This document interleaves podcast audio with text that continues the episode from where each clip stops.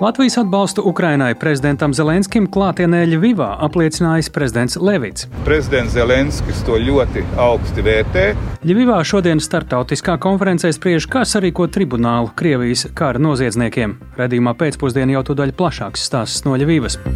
Rīgā pieminekļu padome atbalstījusi sešu padomju ideoloģiju slavinošu objektu nojaukšanu, to vidū ir arī pieminekļi zināmiem Latvijas rakstniekiem. Un šovakar Rīgā sāksies deju kolektīvu kopu repertuāra pārbaudas skašu maratons pirms dziesmu un deju svētkiem. Arī to skaidrosim pavisam drīz ziņu raidījumā pēcpusdienā kopā ar mani Tāli Eipuru. Pūkstens ir 16,5 minūtes, skan pēcpusdienas ziņu programma, skaidrojot šodien svarīgus notikumus. Studijā Tāls Eipurs.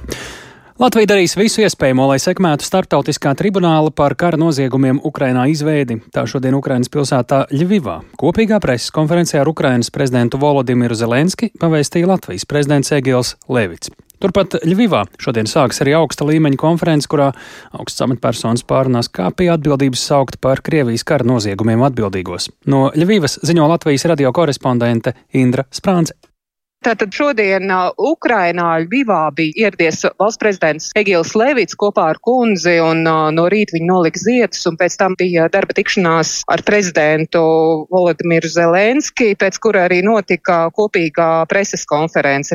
Zelenskis preses konferencē uzsvēra, ka viņš ļoti novērtē gan prezidenta Levita, gan arī Latvijas tautas milzīgo atbalstu šī gada laikā Ukrainai, un mēs varbūt varam arī paklausīties vienu mazu citāti ziņu. Pateicos prezidenta kungam un visai Latvijas tautai par nelokāmu atbalstu mūsu tautai un Ukrainai ceļā uz integrāciju ar Eiropas Savienību. Un uh, uz jautājumu, ko vēl varētu darīt, prezidents atkārtot apliecināja un uzskaitīja visas tās jomas, kur Latvijas valsts palīdz un kur uh, iesaistās arī sabiedrība, nevalstiskās organizācijas. Un viena no lietām, kuru viņš pieminēja, ir, ka būtu nepieciešams uh, stingrāk ievērot to, lai nenotiktu sankciju pārkāpumi. Un tāpat šodien ar prezidentu arī runāts, kā palielināt šīs sankcijas pret Krieviju, ka tas ir viens no veidiem, kā mazināt vēlmi turpināt šo bezjēdzīgo karu. Savā uzrunā Zelenskis arī atzīmēja Latvijas būtisko atbalstu Ukrainai tās centienos pievienoties Eiropas Savienībai un NATO, nodēvējot arī Latviju kā tādu advokātu. Tāpat arī tika pieminēta šodienas konference, kas sāksies šodien vakarā, kuras mērķis ir pārnāt tos jautājumus, kas skar Krievijas kara noziegumu, to atbildīgo personu saukšanu pie atbildības un Krievijas sodīšanu par šiem kara noziegumiem, kas ir īstenoti gada laikā šeit Ukrainā. Un publiski jau ir izskanējusi informācija, ka vairāk nekā 60 tūkstoši šādu kara noziegumu ir apzināti. Un, protams, ka tas viss turpinās, jo arī prezidents Zelenskis šodien arī uzsvēra, ka nekas nav beidzies, lai arī tas ir šķietami tālu un jau ilgi notiek, joprojām katru dienu mirst cilvēku, un tā ir šī te brīvības cena. Tāpat šeit preskonferencē arī tika runāts par to, ka situācija frontē ir salīdzinoši smaga dēļ tā, ka trūkst ieroču un uh, munīcijas, tika runāts par to, kā sekmēt, un arī tas, ko prezidents sacīja, ka ir vienošanās šobrīd, ir skaidrs, viņam ir pārliecība, ka šī tanku koalīcija, tas tās vienošanās tiks īstenots, bet, protams, ka Ukrainai vajadzētu stiprināt arī citu ieroču piegādes. Savukārt valsts prezidents Egīls Levits šodien preses konferencē atbildēja, ka, protams, Latvija darīs visu, cik vien ilgi nepieciešams atbalstīs Ukrainu visos iespējamos veidos. Tāpat arī darīs visu iespējamo, lai sekmētu šī starptautiskā tribunāla izveidi kara noziegumu sodīšanai, kā arī prezidents norādīja, ka būtu ļoti svarīgi, lai tiktu izstrādāta bāze un reāli sāktos darbs, lai arestētiem Krievijas miljardi arī reāli nonāktu Ukrainas atjaunošanai.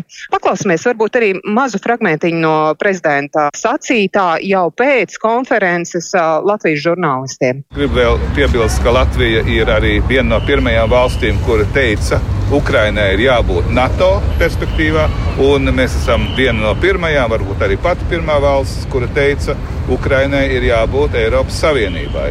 Prezidents Zelenskis to ļoti augsti vērtē, un es domāju, ka pēc kara mēs aktīvi arī piedalīsimies Ukrainas rekonstrukcijā. Jā, un šī vizīte turpinās. Vakarā sāksies šī konference, kurā Ukrainas valsts augstākās amatpersonas spriedīs par kā panākt taisnīgu rezultātu, lai šie kara noziegumi nepaliktu nesodīti. Un tā Indra Sprānce tiešraidē eh, vēl eh, šoreiz nesazinājāmies, bet eh, turpināsim sekot līdzi notikumiem Ļvivā. Uz šīs dienas tikšanos ar Latvijas prezidentu Ukrainas prezidents Vladimirs Zelenskis reaģējis arī sociālajos tīklos. Viņš Twitterī raksta saturīgi un simboliski Latvijas prezidenta vizīti Ukrainā. Paldies par principiālo atbalstu gan militāri, gan politiski, par skaidru izpratni, ka agresoram nevar dot nevienu iespēju Ukrainā un visa Eiropa uzvarēs. Tā Valdemirs Zelenskis. Baltkrievijas tiesa šodien piespriedusi desmit gadus cietumā Baltkrievu cilvēktiesību aktīvistam Aļisam Beļātskim.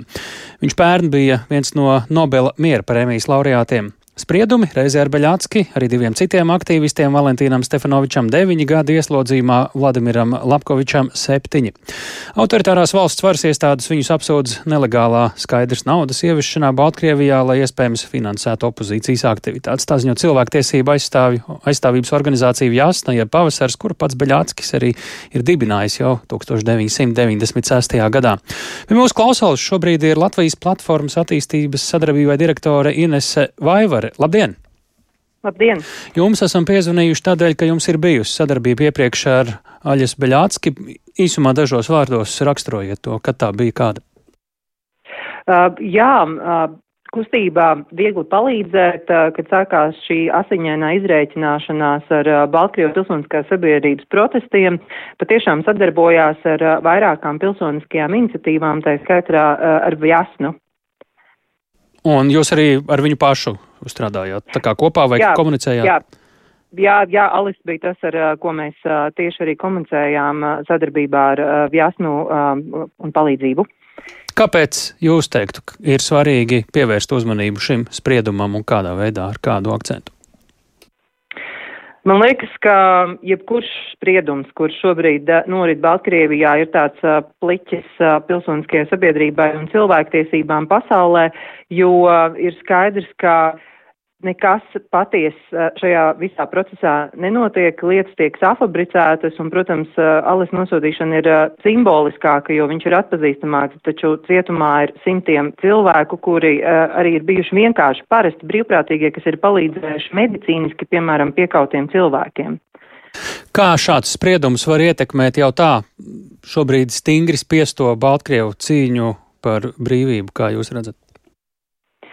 Ja godīgi, man ir grūti šobrīd spriest, jo, ja vienu brīdī Baltkrievu diasporā varēja just tādu pacēlumu, tad, protams, arī pēc Krievijas iebrukuma Ukrainā tā, nu, pasaules acis vairs nav tik ļoti uz Baltkrieviju, un, un droši vien šiem pašiem cilvēkiem arī redzot, ka, nu, būtībā, kā mēs arī mēdzam teikt, ka de facto Baltkrievija šobrīd arī ir okupēta, eh, tad um, eh, viņiem ir tāds ļoti liels pagrimums.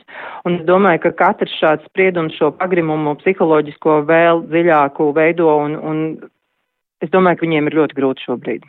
Pašā šajā spriedumā vai procesā bija kādas nianses, kuras būtu ievērības cienīgas, ņemot vērā arī Aļas Beļatska īpašo uzmanību uz viņu? Nu, protams, tas, ko jūs arī minējāt par šo uh, skaidro naudu, uh, kā es minēju, kas ir arī, pieņemsim, uh, viena no Jāsmas brīvprātīgajām Mārfa, kurai bija ļoti līdzīga situācija, ka uh, viņas mājās atrada vienkārši skaidro naudu, uh, kur uzreiz tā, tika teikt, ka tā ir šo protestu finansēšanai, un tā tiešām šāds fakts uh, par kaut ko liecina, bet, kā jau es minēju, uh, nu, nevienam šiem procesam, nevienam sējumiem, daudzajiem, kurus tur vezumiem ved uz tiesas sēdēm ticēt nevar, jo tur ir pilnīgi atklāta safabricēšana un nekāda taisna tiesa jau tur nav. Ir ļoti reti gadījumi pasaulē, kad notiesā kādu Nobela miera prēmijas laureātu, kādu efektu šī prēmijas, šis prēmijas konteksts uh, var iedot, nu, tas kaut kādā ziņā pievērš uzmanību atkal pašam Baltkrievijas režīmam un labākajā nozīmē. Viennozīmīgi, viennozīmīgi tam tiešām ir tāda iespēja pievērst atkal uzmanību, jo tieši tāpat kā mūsu brīvprātīgie Free Belarus tulko visu laiku latviešu valodā ziņas, tāpat jau arī mums, piemēram, starp citu arī tik teikt, kāpēc jūs netulkojat angļu valodā, jo pasaulē jau nav tik daudz informācijas mūsu reģionā, jā, tie ir mūsu kaimiņi, mēs to jūtam un dzirdam, bet tomēr, ja mēs skatāmies globāli, tad tieši šādu te uh, Nobela miera prēmijas laureātu notiesāšana skandalozi noteikti pievērš lielāku uzmanību. Savādi šobrīd jautāt, kas tālāk sanāk, ka ir daudz gadu cietumā, ir kādas nākamās prāvas vai pavērsieni, kas varētu kaut kā iekustināt varbūt šo cīņu par brīvību Baltkrievijā? Nu, jāsaka, ka līdzīgi kā Baltkrievu diaspora, arī es šobrīd jūtos tāda diezgan bezspēcīga, jo mēs arī sadarbojāmies diezgan ilgi ar cilvēkiem Baltkrievijā, taču tie drošības apsvērums uh, kļūst ar vien dramatiskāki. Un, protams, vienīgais laikam, ko mēs paši varam darīt, ir atbalstīt diasporu šeit, lai viņi nezaudē to identitāti un, un palīdzēt arī viņiem, nu, it kā jāintegrēties, bet arī vienlaikus saprast, ka viņiem ir jāatgriežas un būs jāatgriežas, jo pieņemsim, ja Ukrainas uh, cilvēkiem mums ir kāda īpaša atbalsta formas, tad uh, Baltkrievu cilvēki cīnās, lai tiktu arī pie šiem pašiem latviešu valodas kursiem, ja. Uh, tāpēc uh, es domāju, ka uh, vienīgais, ko mēs varam darīt, patiesībā ir atbalstīt tos cilvēkus, kur ir pie mums, un uh, dot viņiem tādu, nu, eiropeisku vērtību un kultūras pieredzi, uh, cerībā, ka viņi atgriezīsies kaut kad. Un es tiešām ticu, ka kādā brīdī arī Baltkrievija būs demokrātiska valsts. Paldies par sarunu. Inese Vaivare, Latvijas platformas attīstības sadarbībai direktori. Mēs eh, turpinām par Baltkrieviju. Baltkrievijas autoritārā vadītāja Aleksandra Lukašenko nu pat notikusi vizīte Ķīnā. Ļauj viņam izskatīties it kā cienīgāk, taču tā arī liecina par milzīgajām Baltkrievijas ekonomiskajām problēmām. Tā intervijā Latvijas radio saka domnīcas Globseka pētniece Alena Kutsko. Kutsko ir arī pārliecināta, ka Lukašenko režīmam nav izdevies pilnībā apspiest Baltkrievu vēlmi protestēt. Ar pētnieci Baltijas aizsardzības koledžas rīkotā konferencē Igaunijā Tartu sarunājās kolēģis Uldis Česbergs. Startautiski izolētais Baltkrievijas vadītājs Aleksandrs Lukašenko šonadēļ viesojās Pekinā, kur viņu silti uzņēma Ķīnas prezidents Xi Jinpings. Saistībā ar šo vizīti izskanēja jautājums, kāds ir Lukašenko brauciena mērķis - ekonomiska nepieciešamība, izmisums vai Kremļa sūtņa pienākumu pildīšana. Baltkrievijas eksperte Alēna Kutsko sacīja, ka Lukašenko ar šo vizīti vēlējās apliecināt savu nozīmību. Right Viņš izmisīgi cenšas būt svarīgs. Pašlaik viņam burtiski nav ar ko runāt, izņemot Putinu. Viņš nesen apmeklēja Zimbabvi, un tas tika pasniegts kā milzīgs ārpolitisks panākums. Protams, privāta tikšanās ar Ķīnas prezidentu Jinpingu ir būtisks sasniegums, jo ne kurš katrs var tikt oficiālā pieņemšanā pie Jinpinga. Tas ļauj Lukašenko radīt iespaidu, ka viņš ir politiski nozīmīgs, ka viņam joprojām ir vara. Taču Lukašenko brauciens uz Ķīnu liecinot arī par to, ka Baltkrievijas ekonomikai klājas grūti.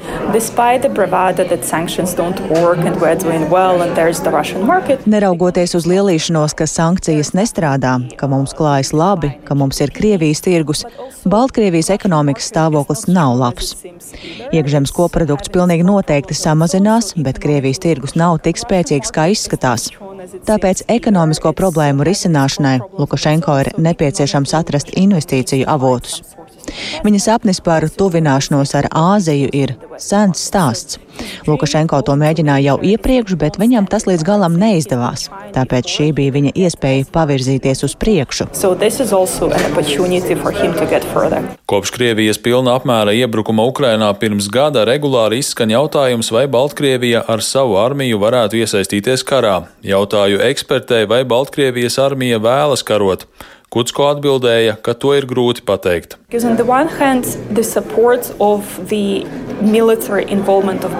No vienas puses, Baltkrievijā atbalsts tiešai militārai iesaistei Ukrainā ir ļoti zems. Baltkrievu militāri personas nav muļķi. Viņi ļoti labi zina, ka armija nav īpaši kaujas spējīga. Tai nav nekādu izredzu pret Ukrainas armiju. Baltkrievu karavīri nav nedz motivēti, nedz gatavi mirt par pilnīgi neko. Taču es nedomāju, ka iesaistīšanās karā izraisītu plašu sacelšanos armijā. Tas būtu atkarīgs no tā, ko tieši Baltkrievijas armija darītu Ukrainā. Daudzi Baltkrievu politiskie aktīvisti atrodas ieslodzījumā, bet daļa ir bijuši spiesti bēgt uz ārzemēm. Tāpēc rodas jautājums, vai Baltkrievijā vēl ir palikuši cilvēki, kuri būtu gatavi stāties pretī Lukašenko autoritārajam režīmam. Alēna Kutsko uzskata, ka viņas dzimtenē vēl ir ļoti daudz cilvēku, kuri neatbalsta Lukašenko. See... Es joprojām teiktu, ka vairākums Baltkrievi ir pret viņu, taču cilvēki redz, kādas represijas valstī ir izvērsis Lukašenko, tāpēc viņi pieņem ļoti racionālus lēmumus. Ja tu skaļi izteiksies pret režīmu, tad visticamāk nonāksi cietumā, vai arī būsi spiests aizbraukt. Tāpēc to nevar uzskatīt par saprātīgu un racionālu rīcību. Cilvēki joprojām ir pret režīmu, bet viņi pašlaik neredz iespēju masveidīgai kolektīvai rīcībai tā vienkāršā iemesla dēļ, ka Lukašenko ir pārāk varmācīgs un apspiež jebkādu opozīciju. Taču nākotnē, pie vismazākās iespējas, piemēram, atslābstot represijām, cilvēki atkal varētu mēģināt iziet protestos un vērsties pret Lukašenko. Nesen atklātībā nonāca Kremļa plāns Baltkrievijas pilnīgai sagrābšanai līdz 2030. gadam. Vaicāju Kutsko, vai Krievija spēs īstenot savu ieceri. Viņa norādīja, ka šajā dokumentā minētās lietas jau sen ir apspriestas publiski, piemēram, Krievijas un Baltkrievijas Savienības valsts veidā veidošana.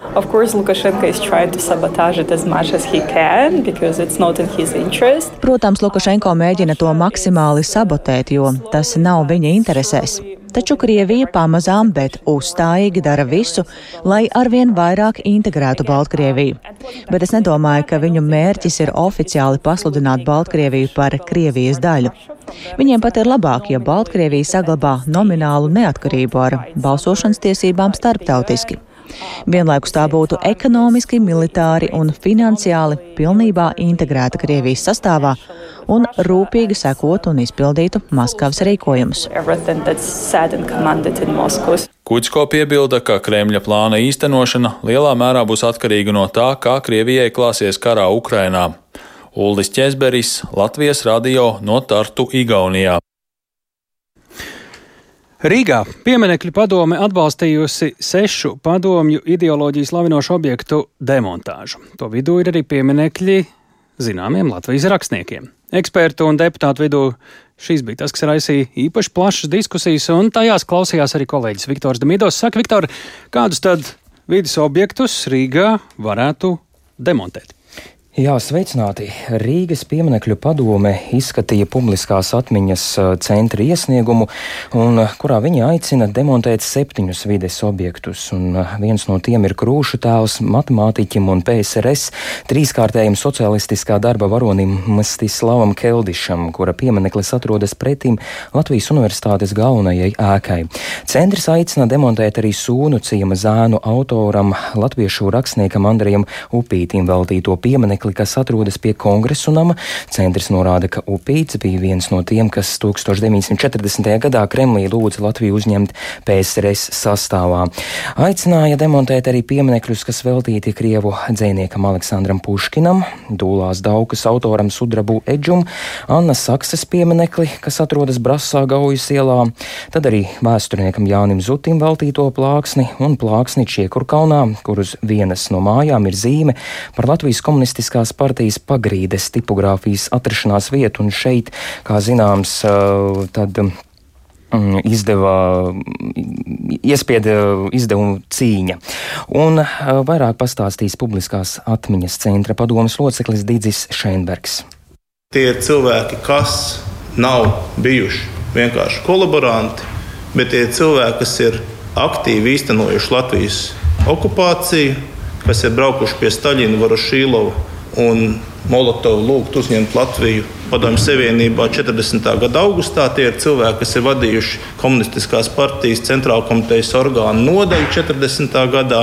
Tie ir cilvēki, kuri ir veidojuši viskaitīgāko vēstures viltošanu vēsturnieku vidū, ar savu intelektu izveidojuši cilvēces vēsturē visbīstamākos masu iznīcināšanas ieročus, kuru dēļ pasaule atrodas tajā starptautiskā situācijā, kāda viņa ir šobrīd. Jā, no tiem nojaukta atbalstīja gandrīz visus, izņemot sudrabu Edžumu veltīto pieminekli. Un, jā, vispār plašas diskusijas uh, raisīja um, gan ekspertu viedokļi, gan arī deputātu starpā diezgan karstsinīgas tās bija.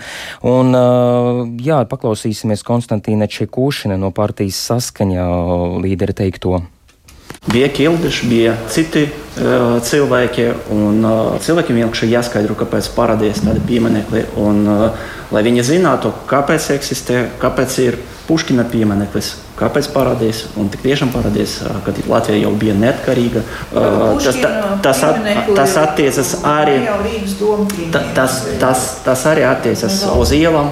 Līdz ar to mēs mēģinām attaisnot dažreiz ar okupāciju tādas lietas, kuras jau tika izveidots neatkarīgajā valstī, mūsu valstī. Jā, vēl pieminēšu, ka tas ir tikai konsultatīvs lēmums, un tālāk šis, šo izskatīs Rīgas domes deputāti. Un, jā, tā kā tas vēl nav akmenī iekauts, un tālāk tas. tas, tas jā, nu tu pieminēji šo sudrabeidžus pieminieku, kur varētu arī nedemontēt, bet tur vēl, tad šis vēl tiks arī precizēts, tas ir tikko, tikko nolemts, un tas vēl jāskatās. Bet, nu jā, dzirdējām šos nosaukumus, un vēsturiskās personības, un pavisam noteikti par to vēl diezgan droši sociālajos tīklos amatpersonu vidū būs uh, diskusijas. Vai eh, šobrīd iezīmējās, kad varētu būt tālāka lemšana, vai tas pagaidām ir šodien lemtais, un tad tālāk vēl jāskatās? Tālāk ir jāskatās, jā, jo pagaidām tas nav zināms, bet jebkurā okay. gadījumā eksperti arī norādīja, ka lielu, lielu rezonanci sabiedrībā var izsaukt tieši um, Latvijas kultūrā pazīstamo cilvēku pieminekļu tā demontāža vienkārši. Tas, tas var iz, iz, izjaukt. Vēl, vēl, vēl, vēl es pieminēšu tas, ka nav runa par iznīcināšanu. Runa ir tikai par nojaukšanu un kaut, kaut, nu, kaut kur pārvietošanu citā vietā. Nav tā kā par uh, pieminekli uzvaras parkā. Jā. Tas jā. nav tā, ka viņu vispār iznīcinātu. Paldies Viktoram Damidovam. Mm. Tik tālu par pieminekļiem vai vidas objektiem Rīgā. Un Šobrīd eh, pievēršamies izglītībai un latviešu valodai. Skola pārēja uz mācībām tikai latviešu valodā, pakāpeniski gatavot jau vairāk nekā 20 gadu, un šobrīd ir skaidrs tās ieviešanas plāns. Politiķi par to ir izlēmuši, taču skolas norāda uz klupšanas akmeņiem, pedagoģu trūkumu un veidiem, kā valsts valodu padarīt interesantāku ne latviešu skolēniem arī ārpus mācībām. Par secinājumiem no diskusijas, kas bija veltīta pārējai uz skološanos tikai valsts valodā, vairāk Jāņa Kīņša ierakstā. Kā zināms, no šā gada rudens uz mācībām tikai latviešu valodā pāries 1, 4 un 7 klašu grupā, pēc gada 2, 5 un 8 klašu, bet vēl pēc gada arī 3, 8 un 9 klašu grupā. Tam gatavojoties, pedagogiem rīko pieredzes apmaiņas seminārus, tālāk izglītības kursus. Valsts budžetā paredzēts finansējums mācību līdzekļu iegādēji mazākumu tautību valodas un kultūra vēstures interešu izglītības programmu īstenošanai. Tāpat arī mācību līdzekļu nomaiņai tajos mācību priekšmetos, kur vēl aizvien izmanto materiālus mazākumtautību valodā. Šajā mācību gadā viens no galvenajiem problēmu jautājumiem ir mazākumtautība bērnu latviešu valodas prasmes pirms mācību sākšanas pirmajā klasē. Lai iedzīvinātu šo pārēju, pirmskolas pedagoģi apmeklējuši latviešu valodas prasmes kombinētos kursus un izmantojuši piedāvātos pilnveidas materiālus. Stāsta valsts valodas aģentūras galvenā metodiķe Vinete Vaivade. Izmantojot mācību materiālus, kas mums ir veidoti pirmsskolai, latviešu valodu var apgūt tādā līmenī līmenī, lai skolēns varētu sākt mācības pirmajā klasē latviešu uh, valodā. Bija jautājums, kā tad skolēni apgūs uh, terminus. Jā, tas ir grūti un sarežģīti, bet mums ir šīs terminu vārnīcas ne tikai latviešu valodā, krievu valodā, bet arī vācu valodā, angļu valodā un, ja nemaldos, tad viena bija arī franču valodā. Tā kā materiāli, ar kuriem strādāt, protams, ka ir. Tomēr netrūkst mazākuma tautību skolu, kur latviešu valodu neizmanto, jo daudziem pedagogiem valsts valodas zināšanas aizvien ir pārāk vājas. Šo realitāti nāks pieņemt vienlaikus ar faktu, ka ik gadu ap diviem tūkstošiem pedagoģu izmanto tālāk izglītības iespējas un arī pilnveido savas latviešu valodas zināšanas. Skolu direktori to skaidro ar atšķirību, kad valoda jāizmanto ikdienas sarunām un kad darbā ar skolēniem. Krievu un citu mazākumu tautību skolu pārēju uz mācībām tikai latviešu valodā būs atkarīgi ne tikai no katras skolas, bet arī pašvaldības ieinteresētības. Arī bez valsts papildu finansiāla atbalsta pārēju neizdošoties, izskanēja diskusijā. Vienlaikus kā lielāko problēmu skolu pārstāvji norāda pedagoģu trūkumu. Turpina Daugopils zinātņu vidusskolas direktors Vitālijas Azarēvičs un Liepājas trešās pamatskolas direktora Gaļina Skorobogātova. 5-6 gadus atpakaļ mēs e, varējām pat izvēlēties latviešu valodas skolotāju un priekšmetu skolotāju skolā.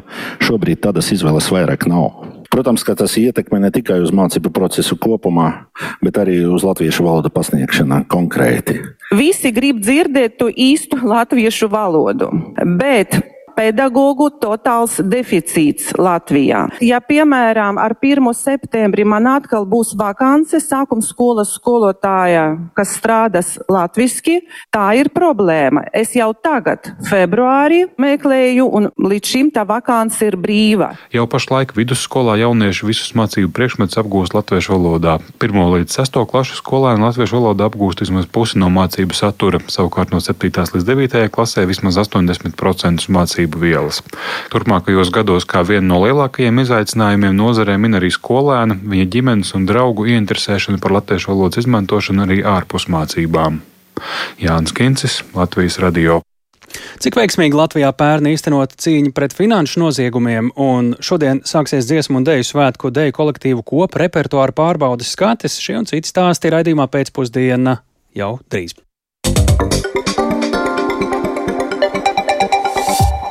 Ar finanšu noziegumu apkarošanu Latvijā veicas ļoti labi. Tā šodien pavēstīja Finanšu izlūkošanas dienesta priekšnieka pienākumu izpildītājs Toms Platacis. Taču netrūkst arī izaicinājumu. Piemēram, pērn dienesta darbu ietekmēja karš Ukrainā, sankcijas pret Krieviju, tāpat nesnauž arī krāpnieki. Pērn no iedzīvotājiem izkrāpti aptuveni 10 miljoni eiro.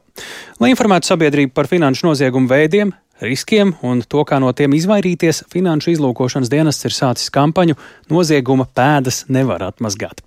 Kolēģi Linda Spundaņa ir sekojusi šīm stāstam. Saka, Linda, kā tad varētu raksturot to aktuālo situāciju finanšu noziegumu un, protams, arī to apkarošanas jomā? Finanšu izlūkošanas dienesta apkopotie pagājušā gada rezultāti liecina, ka situācija valstī šajā jomā ir nedaudz uzlabojusies. Tomēr nākuši klāt jauni izaicinājumi, kā jau minēju, reaģējot uz Krievijas sākto karu pret Ukrainu, valstis piemērojuši sankcijas Krievijas uzņēmumiem, bankām, precēm, nozarēm un personām. Par atbalstu Krievijai sankcijas piemērotas arī Baltkrievijai, tāpēc Finanšu izlūkošanas dienests mainīs pieeja darbam un, un pārstruktūrējas resursus, un dienestam nācies pievērst īpašu uzmanību aizdomīgiem darījumiem, kas bijuši saistīti ar sankcijām. Un varam paklausīties Finanšu izlūkošanas dienesta priekšniekā priekšnieku pienākumu izpildītāju Tomu Plātaču sacīto. Sankcijas, protams, ir kaut kas jauns pagājušajā gadā, bet es gribētu teikt, un to es arī nekautrējos teikt, ka Latvija ar sankciju ieviešanu un apkarošanu tiek galā ļoti labi salīdzinot ar citām valstīm. Visi tie mehānismi ir zināmi. Jautājums ir, cik viegli viņus ir atrast, cik ātri viņus var atrast, jo tie starptautiskie maksājumi, kā noziedzības instruments, tāpat tās eksistē un izskaitīt naudu cauri desmit jurisdikcijām ir pāris minūšu jautājums, bet tam izsakot līdz no tiesība aizsardzības iestāžu puses, tas noteikti vairs nav minūšu, ne dienu, ne nedēļu dēļ jautājums. Jā, pērn finanšu izlūkošanas dienas saņēma 281 ziņojumu ar aizdomām par sankciju apiešanu, un iestāde norāda, ka tas ir salīdzinoši liels skaits. Savukārt vidu muitas pārvalde pērn novērsusi vairāk nekā 3000 sankciju pārkāpumus, savukārt vidu nodokļu un muitas policijas pārvalde ir uzsākusi vairāk nekā 100 kriminālu procesus par noteikto sankciju pārkāpšanu. Tas par sankcijām, taču citu finanšu noziegumu arī netrūkst.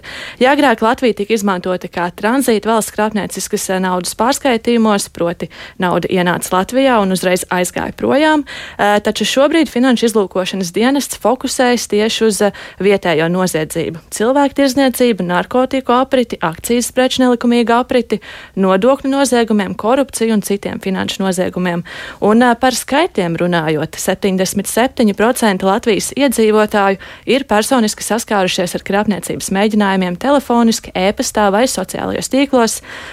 Pērn no Latvijas iedzīvotājiem tika izkrāpti aptuveni 10 miljoni eiro, bet šogad tas jau ir vairāk nekā 1 miljons eiro, un izkrāptās naudas apjoms pērn pieaudzis par uh, gandrīz desmitdaļu - 8,8%. Savukārt aprēķināts, ka korupcija vidēji vienam Latvijas iedzīvotājam izmaksā 160 eiro. Policija katru gadā tas ir. Ja? Jā, tas mm. ir gadā. Jā. Precīzi. Un uh, policija katru gadu izmeklē aptuveni 400 noziedzīgos nodarījumus, kas saistīti ar naudas atmazgāšanu. Pērn policija izmeklētajos krimināla procesos uzlikusi arestu gandrīz pusmiljarda eiro apmērā un izvirzot var, varbūtību, ka nauda iespējams noziedzīgi iegūta. Tāpēc ar kampaņas noziegumu pēdas nevar atmazgāt, ietvaros tiek atgādināts par finanšu noziegumiem un to ietekmi sabiedrībai. Kādu sabiedrības attieksmi pret finanšu noziegumiem tad mēs noteikti uh, varam sagaidīt? Tad jārunā par to, ka Finanšu izlūkošanas dienests jau piekto gadu rīko šādu informatīvu izglītojošu kampaņu, un uh, dienesta pārstāvis Toms Platacis sacīja, ka šāda informēšana izglītošana nes augļus, un pagājušā gada nogalē FIDE īstenotā sabiedriskās domas aptāja liecina, ka vairāk nekā 70% sabiedrības saprot, ka korupcijai, nodokļu nemaksāšanai un citiem finanšu noziegumiem ir negatīva ietekme uz sabiedrību un valsti kopumā, bet tajā pašā laikā trešdaļa aptaujāto ir gatavi vai nu nesamaksāt kādu nodokli, vai nopirkt bez akcijas cigaretes, vai iedot kādu mazu pateicību kādai no iestādes darbiniekiem. Un korupcijas novēršanas un apkarošanas biroja priekšnieks Jākaps Strauma atklāja, ka iedzīvotāju tolerance pret korupciju samazinās. Varam paklausīties Straumas sacīto. Kad pagājušā gada sākumā KNAP beidza iedzīvotāju aptauju par to, kāda ir iedzīvotāja attieksme un tolerance pret korupciju arī uzņēmēju. Iepriecinoši bija tas, ka uh, ir palielinājies iedzīvotāju skaits, kuri nav gatavi tolerēt korupciju, kur nav gatavi dot kukuļus. Diemžēl tendence uzņēmēju vidū bija drusku negatīva. Bija nedaudz palielinājies tomēr to skaits, kuri būtu gatavi, lai spētu konkurēt tātad valsts pasūtījumos un pašvaldību tomēr to izdarīt ar kukuļu palīdzību.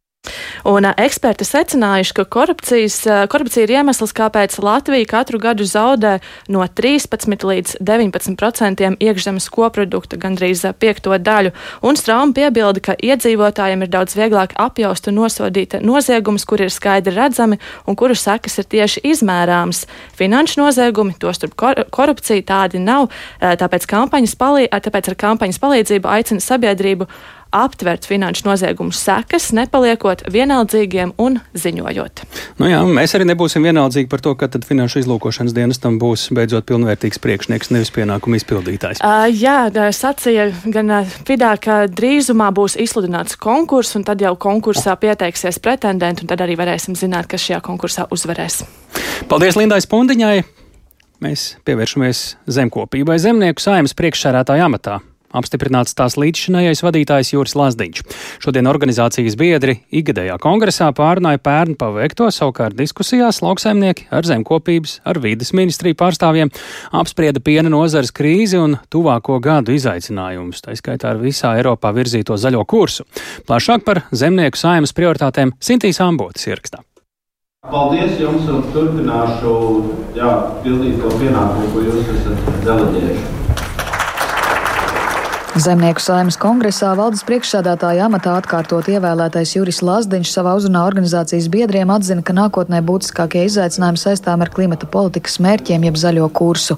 Kā nozarē drastiskākos mērķus Lazdiņš min minerālu mēslu lietošanas samazinājumu par 30%, auga aizsardzības līdzekļu lietojumu samazinājumu un antibiotiku lietošanas mazināšanu par 50% līdz 2027. gadam. Tur, ja mēs ieviešam šādus noteikumus, tad 27. būs lauksaimniecības lauksaimniecība būs nu, vēsturiski darba rīki, tas ir zirgs un kaplis. Tas ir pārtiks nodrošinājums. Ja mēs šodien esam eksportspējīgi nozare graudkopībā un piena lopkopībā, tad 27. gadā, diemžēl, mēs vairs tādu neizskatīsimies. Bet vienīgais, ko mēs vēlamies, ir sabalansēt tās mūsu iespējas ar šo mērķu sasniegšanas termiņiem, jo mēs esam par vidē draudzīgu saimniekošanu, bet uh, svarīgākais ir, ka tehnoloģijām ir jāattīstās līdzi līdzi. Tad mums vajag zinātni un tehnoloģijas, kuras mēs pārņemam kopā paralēli ejot, mēs šos mērķus sasniedzam. Lazdiņš arī norāda, ka pat labāk akūti trūkst finansējums lauksaimniecības pētniecībai un cer uz jaunās valdības atbalstu šajā jomā. Tāpat Zemnieku saimas kongresā neizpalika sarunas par piena nozares krīzi. Biedrības pārstāve Maira Dzelskalē burmistra gan norāda, ka marta pirmajās dienās piena iepirkuma cena mazliet pakāpusies, bet uzsvēra, ka cenas joprojām saimniecībām krasi atšķiras. Latvijā pat labam piena cenas vārstās no 22 līdz 47 centiem par litru. No Baltijā mēs ražojam pienu vairāk nekā patērējam, mums ir jāeksportē. Un, diemžēl tie produkti, kurus mēs eksportējam, tie ir vairāk tādi industriālie, lētāki produkti. Tāpēc tā piena cena ir zemāka šeit kā vidēji Eiropā. Un, nu, kamēr mēs netiksim ārā no šiem industriālajiem produktiem, lētajiem, kamēr mēs neatradīsim jaunas eksporta tirgus, stabilus tirgus, tamēr tās krīzes ir un būs Latvijas piensaimniecībā. Un tur ir svarīgi, lai tiešām arī zemnieki savu pienu konsolidē, lai ir lielāks spēks šajās sarunās ar pārstrādi. Organizācijas kongresa dalībnieki šodien arī atklāja kampaņu izglābt pļavu, kuras mērķis ir pievērst sabiedrības uzmanību Latvijas pļavu bioloģiskās daudzveidības saglabāšanai, stāsta gaļas lielo audzētāju biedrības vadītājs Raimons Jakovs. Jakovickis. Sarūk Latvijā bioloģiski vērtīgās pļavas, to hektāru skaits katru gadu sarūk, un te pašā laikā mums ir, kā mēs zinām, arī liels spiediens, tieši politiskais spiediens uz lokopības industriju kā tādu, ja, uz emisiju mazināšanu, jā, visu, bet lielopi atrodoties pļavās Viņi veicina to biodaudzveidību, uztur zālājus, uztur vidi, un ik viens sabiedrības loceklis patiesībā arī var piedalīties pļauju saglabāšanā, lietojot uzturā Latvijā audzētu lielopu gaļu. Zemnieku saimā ir 800 biedru un organizācijas ieņēmumi pērn bijuši 586 tūkstoši eiro apmērā dažādos projektos un no biedru naudas. Sinti Ambote, Latvijas radio. Šodien sāksies dziesmu un deju svētku deju kolektīvu kopu repertuāra pārbaudes skates deju lieluzvedumam Mūžīgais zinējs un lielkoncertam Balts. Dejotāju sniegumu vērtēs žūrija, deju uzvedumu un koncertu mākslinieckie vadītāji, svētku virsvadītāji, deju autori, nu un arī ik viens klausītājs ir aicināts klātienē vērot skatus un atbalstīt dejotājs. Pie mūsu klausulas ir Maruta Alpa, Latvijas Nacionālā kultūras centra latviešu skatuviskās dejas eksperta. Labdien!